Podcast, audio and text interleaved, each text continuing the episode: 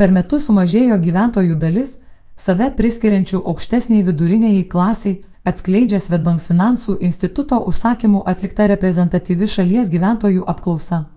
Visgi laikančių save viduriniosios klasės atstovai skaičius išlieka stabilus, tai daugiau nei pusė 54 procentai šalies gyventojų. Pastarojo laikotarpio infliacijos šuoliai ir energijos išteklių kainų augimas paveikė gyventojų subjektyvų suvokimą apie savo vietą visuomenės klasinėje sanklodoje. Nors viduriniai klasiai save priskiriančių respondentų skaičius išlieka stabilus, 3 procentai punktais mažiau gyventojų, palyginti su 2022 metais. Save laiko aukštesnės viduriniosios klasės atstovais 8 procentai. Tuo metu sakančių, kad jie priklauso žemesniai viduriniai klasiai, skaičius augo 5 procentai punktais ir siekia 31 procentas, sako Svetbank finansų instituto vadovė Juratė Cvilikienė.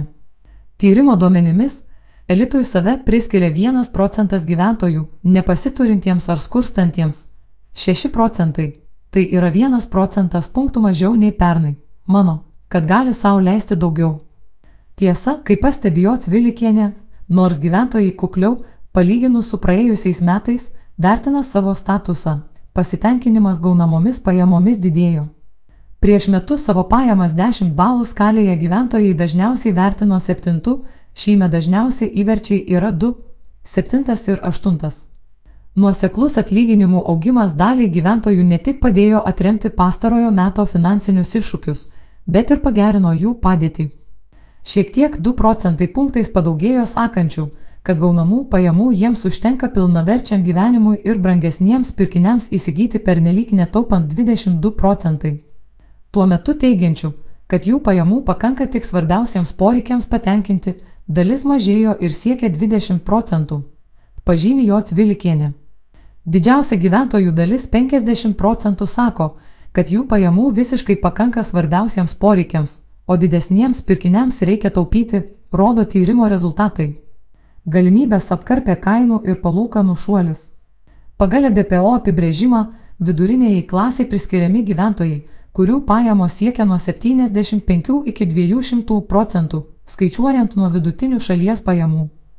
Svetbank vyriausiasis ekonomistas Nerijus Mačiulis sako, kad pernai atlyginimų prieš mokesčius mediena siekia 1473 eurus. Tad pagal šį apibrėžimą viduriniai klasiai reikėtų priskirti gyventojus, gavusius nuo 1104 iki 2946 eurų prieš mokesčius. Remdamiesi šiuo apibrėžimu, Lietuvoje turime rekordiškai didelę vidurinėje klasę, nes jai priklauso net 62 procentai gyventojų. Deja, ši statistika slepia ir mažiau džiuginančias tendencijas. Lietuvos vidurinioji klasė nuskurdo. Per metus vidutinės pajamos paaugo daugiau nei 12 procentų, tačiau vidutiniai metiniai infliacijai pernai pasiekus virš 19 procentų. Daugelio gyventojų perkamoji gale ir galimybė sumažėjo maždaug 7 procentais, komentuoja N. Mačiulis. Be to, ekonomistas atkreipė dėmesį į tai, kad praėjusiais metais labiausiai brango pirmojo būtinumo prekes - maistas ir energijos ištekliai. Tai palėtė ne tik neturtingiausius šalies gyventojus, tačiau neišvengiamai perskirstė ir viduriniosios klasės biudžetą. Daugeliu šeimų didesnę dalį pajamų teko skirti maistui ir būstui, todėl mažiau lėšų lieka laisvalaikiu bei kitoms ne pirmojo būtinumo prekiams ir paslaugoms, kas yra svarbus viduriniosios klasės atributas. Turinčiųjų paskolas galimybės taip pat apkarpė ir palūkanų normų šuolis. Vidutinė būsto paskola turinčiai šeimai šios išlaidos padidėjo maždaug 3000 eurų per metus, nurodo N. Mačiulis. Svarbu ne tik pajamos, Svetbank klientų duomenys rodo, kad net 62 procentai gyventojų banko sąskaitose turi lėšų, kurių suma nesiekia 2000 eurų. Per tris metus šis rodiklis beveik nepasikeitė ir rodo, jog turto neligybė yra didesnė nei pajamų. Įprotis reguliariai taupyti ir pakankamas likvidžių santaupų lygis taip pat yra svarbus viduriniosios klasės bruožas.